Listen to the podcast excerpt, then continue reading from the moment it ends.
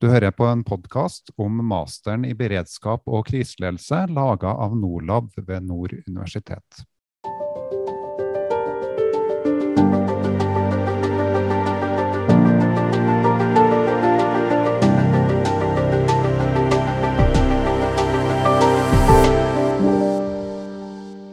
I dag skal vi snakke om en situasjon.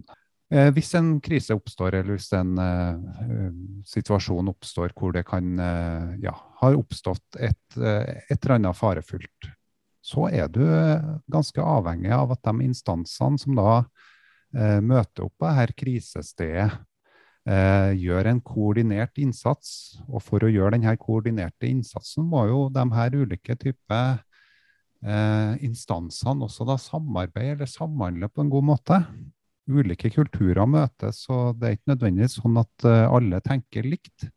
Det håper jeg at vi kommer litt inn på i dag. Eh, når vi er så heldige å ha med oss eh, Jørgen Olsen fra politiet, som også da har skrevet en masteroppgave om samhandling. Men Gunhild, jeg må si hei til deg først. Gunhild Sætren, hallo. Hei, Jonas.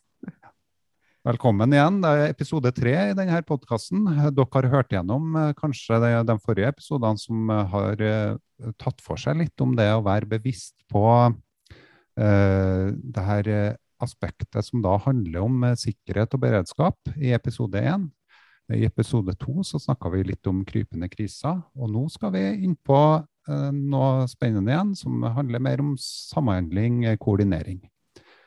Hei, Jørgen. Eh, velkommen til podkasten. Jo, takk. Det er artig å få lov til å være med. Eh, du eh, Jobba du i politiet også når du starta på masteren, eller har du lang erfaring? Fra? Ja, jeg har jobba i politiet siden 2008. Ja.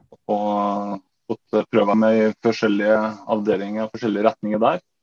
Og det var egentlig det som gjorde at jeg virkelig interessert meg innenfor den retninga. Nå valgte å ta denne her masteren for at det, det passa opp mot den jobben jeg har. Mm. Etter å ha gått denne masteren, har du, har du fått noen nye perspektiver på, på jobben din, og hvordan, hvordan, det drives i politiet, eller? Ja, helt klart. Den, eh, den har gitt meg mange gode momenter opp mot det, det daglige jobben min, men òg kanskje helheten rundt det er jo litt det denne masteroppgaven min handler om, det er samhandlinga mellom de ulike nødetatene innenfor det nivået i politiet som der jeg opererer, der jeg jobber.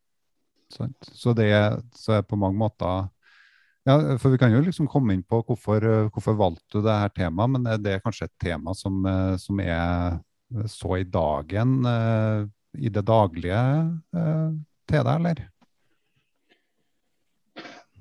Det er nok i dagen, men eh, det er nok veldig variabelt hvor eh, bevisst folk er på det. denne samhandlinga mellom nødetater. Mm, det som eh, ble For meg så ble det nok et tema en periode jeg jobba på operasjonssentralen i gamle Helgeland. Mm. Fikk der gikk et studie der sammen med instruktører både fra brannhelse. Der der har en POS en, eh, en plattform for instruktørutdanning til eh, operasjonssentraler som eh, ja, egentlig ga en nytt innblikk i hva de andre nødetatene jobber med, og hvordan de var organisert. PHS? Politihøgskolen. Sorry. Ja, ja, det er det. ja, for, for du, du, sa gamle Helgeland. Eh, er det sånn at eh, for Det har jo skjedd en del reformer innenfor for nødetatene, kanskje spesielt politiet. da. Eh, og Det er vel derfor du sier gamle Helgeland, for det er ikke sånn i strukturen nå? Nei, det er jo det er egentlig denne oppgaven har retta seg mot å se på. Vi har jo gjennomført en ganske stor politireform der Nordland, da, distriktet som jeg velger å se nærmere på, egentlig er slått sammen. Nordland politidistrikt er slått sammen av tre gamle politidistrikt. Eh, Helgeland, Salten og deler av Midtre Hålogaland. Så vi har hatt en ganske stor sånn, organisatorisk omveltning i tillegg her. Ja. Hvordan, er, det, nei, hvordan er det med de andre eh, etatene som, eh, som, da skal samhandle med denne eh, store Nordland. Er det litt samme struktur for dem òg, eller hvordan er det? Nei, det er jo kanskje litt av problematikken her. Og litt av det som jeg ser på en masteroppgave her, er jo det her at uh, viktighet av at man er kjent med de andre sin uh, organisering, de andre sin struktur, for at man skal få en god samhandling. For vi er ikke like. Vi ser kanskje mer like enn man egentlig er. Og det kan være både, litt misvisende både for oss som er i etaten, men òg for publikum rundt. Mm. For uh, verken helse, politi eller brann er organisert helt likt. Vi har heller ikke de samme geografiske ansvarsområdene, som òg er en utfordring når man ser på en større hendelser. Oi, nå, nå, har jeg lyst til å liksom hoppe fram i tid sant, med en gang og, så, og prøve å grave egentlig langt ute i oppgaven din, tror jeg. Men eh, kan, kan ikke bare si problemstillinga di før før vi begynner å bevege oss inn på det? Ja, problemstillinga det var vel um, som sagt, jeg ønsker å se på politiets evne til å samhandle. Og da, da hvordan politireformen har påvirka samhandlinga med de andre nødetatene og det taktiske nivået Det er Det som eh, jeg prøver å spisse oppgaven min mot. Mm. Når du sier det taktiske nivået, hva, hva innebærer det for lytterne våre? Det innebærer eh, i stor grad de folkene ute på gata i politiet. Um, politiets innsatsleder, du som ja, øverste uh, på det nivået. Mm. Så har du jo da operasjonssentralen over der igjen, og stab og politileder videre opp i systemet. Hvordan, uh, når du skulle liksom gå inn og se på det her med problemstillinga di og sånn, uh, hva, det, hva, baserte du deg på? Var det intervjuer? Var det, hva, hva, hva brukte du av kilder? Ja.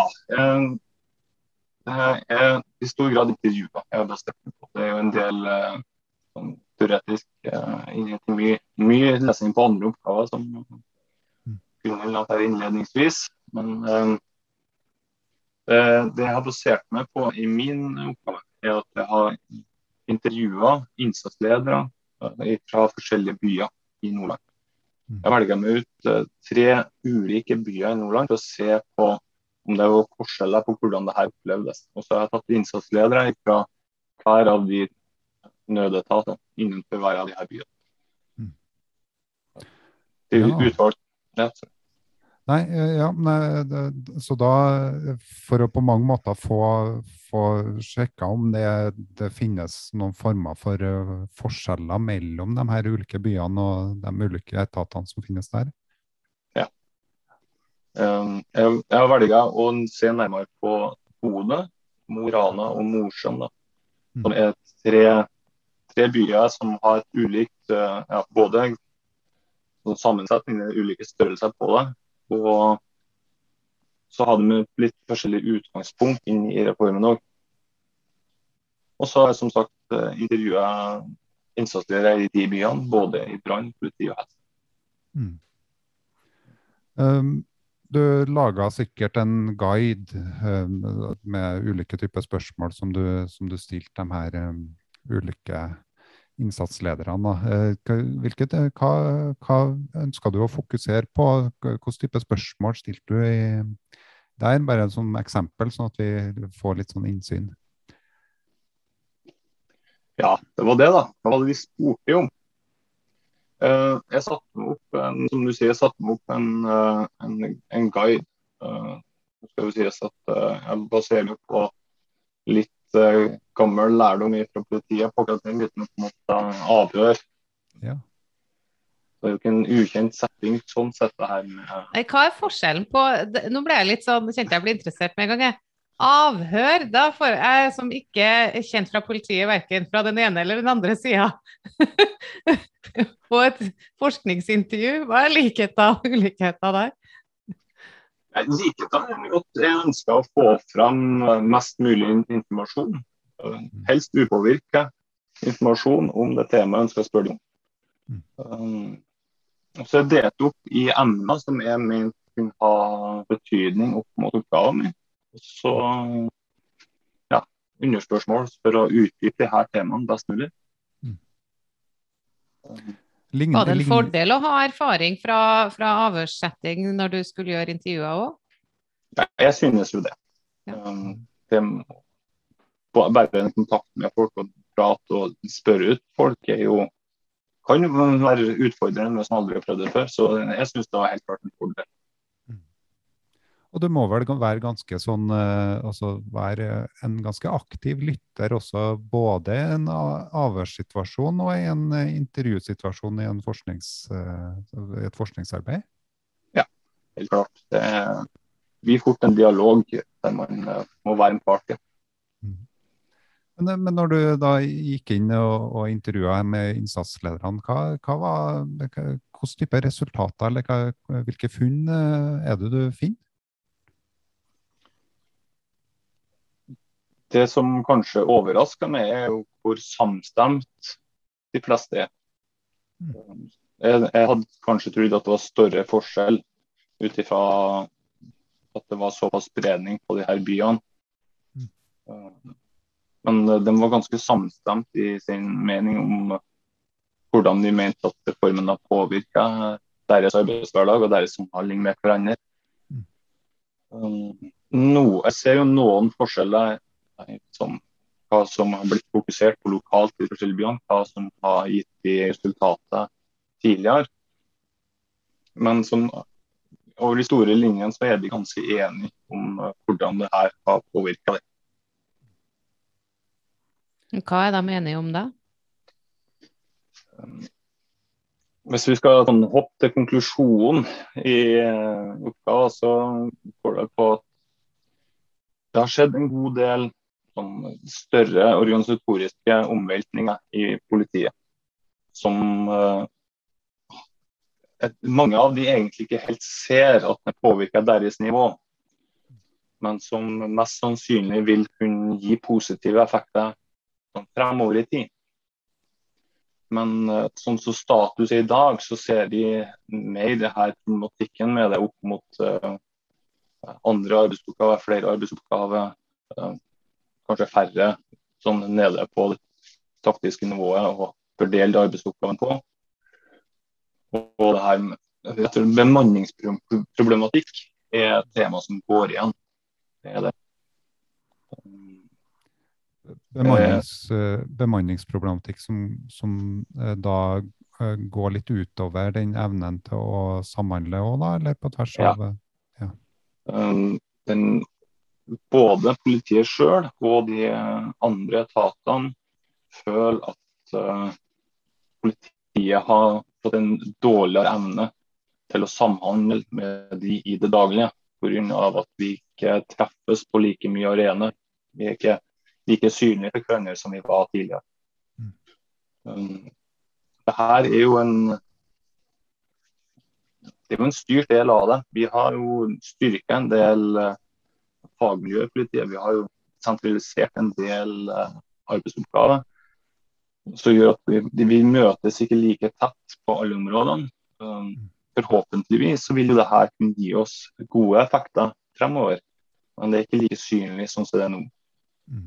Um, så vil det jo da være litt avhengig av om man evner å ta, ta vare på denne muligheten da, fremover, om man får positive effekter av det. For Status nå er at det oppleves som at man ikke har fått det ennå, i hvert fall. At det heller kanskje har gått andre veien.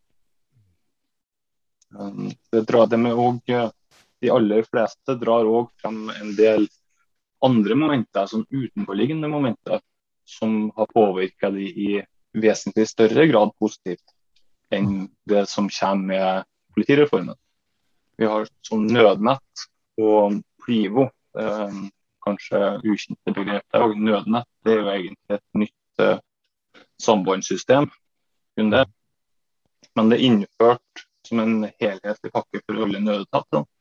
Som kanskje gjør at det i, i stedet for bare å være et sambandsmedium, så har det blitt en, noe større, en, en plattform for samhandling, rett og slett. Mm. Og på samme måte Plivo, den prosedyren for uh, å håndtere det for nødetatene, har kanskje blitt en Det òg er blitt en plattform, en mulighet for å trene og øve på det sammen i lag. Jeg tror kanskje kanskje lytterne lurer på hva Plivo er. Det er en prosedyre for hvordan man skal håndtere pågående livstruende vold. Plivo er en forkortelse for pågående livstruende vold. Ja. Ja, riktig. Ja, eh, men Og- eh, ja. Eh, eh, ja, du var inne på et resonnement her, eh, Jørgen. Jeg skal ikke avbryte deg Bare fortsett med det. Ja, um, skal vi se hvor vi var. Jo, um, Plivo er kanskje en av de få plassene der man har en struktur på å trene sammen. Der man har fastsatt um, en felles prosedyre for hvordan vi skal samhandle. Vi har årlige treninger på hvordan vi faktisk skal gjøre det. Og det at man gjør det, gir oss mye mer enn bare den prosedyren. Man så det når her ble innført, så ble man bedre til å prate med hverandre på, på samband når man møttes. Man fikk et tettere samarbeid på andre typer oppdrag òg, mindre alvorlige oppdrag. Uh, og det som flere har reagert på nå, at det er en del av de her positive momentene som jeg har fått gjennom de her, de ser ut som at uh, de, blir ikke, de blir ikke tatt uh, vare på av reformen som det er nå. Er heller kanskje motarbeidet. Og vi heller eh, håper at det her er noe man greier å snu, og at det blir bedre når man har fått landet og satt denne reformen. Mm. Er det, jeg får en følelse av at det kan handle om at man kjenner hverandre. Ja, Rett og slett. Mm. Eh, når, når vi vet ansiktet på de jeg skal samarbeide med, vi har prata langt før, vi, vi vet hva de står for og hvordan de ønsker å løse ting, så blir det lettere å løse nye oppgaver. Så det er litt den der kaffekoppen på jobb er ganske viktig å bare ha med andre, også når det er eh, samhandling nødetater Ja. seg imellom, utenom Mm. de her store oppdragene. Sånn, um, sånn som nå så er det jo de, de grepene som er blitt gjort i reformen, har kanskje vært mer på det her organisatoriske, strukturelle, litt overordna nivået, Mm. som kanskje gir oss en effekt fremover. Men det har blitt litt på bekostning av det her dagligdagse. Mm. Og det er en effekt vi må kanskje vi må jobbe for å snu. Det er kjempeinteressant, for din, din oppgave viser egentlig at uh, her er det både uh, altså, ting som muliggjør uh, samhandling, samtidig som det er noen drivkrefter som gjør at det, det kan eh, Altså det- retningen for om dette her kommer til å forbedre seg eller ikke, eh, det, det vet man ikke helt ennå per i dag. Nei. Så, så, så du eh, for På ett nivå så snakker du om den, den her sentraliseringa av og reformen i politiet, som på mange måter spesialiserer og, og, øker, og har som hensikt å øke miljø, kompetansemiljøene innenfor politiet. Som gjør at du styrker på mange måter enheten. Men så går det kanskje på bekostning av, av det, det her å treffes eh, når man i det daglige, som man kanskje gjorde mer tidligere, da, når man ikke var så spesialisert. Men så kommer det plutselig en teknologi her som gjør at det, det fortsatt er altså, Som kanskje kan muliggjøre det bedre, til at man likevel får eh, kompensert for det, eller samhandla, og kanskje blir det også bedre i framtida enn det det var. Og Det der er jo et viktig moment eh, som kanskje Det blir jo litt utafor oppgave oppgaven med det du er inne på nå, opp mot uh, nye teknologier. Men det er jo en ting som vi ikke har vært gode på tidligere, i hvert fall innenfor nødetatene. Det her å samkjøre og bruke samme systemene, kunne dele informasjon effektivt, der har, vi, der har vi mye å gå på. Mm. Ting blir stadig bedre, men uh, det er fortsatt et uh, utviklingspotensial her. og Vi har heller ikke vært uh, veldig gode på å se de her mulighetene det kunne gitt oss. Er Og så ser vi jo kanskje også etter ett og et halvt år med korona og sånn som vi jobber jobbe nå, digitalt, eh, verdien av å faktisk møtes fysisk i tillegg eh, til at teknologiene er der.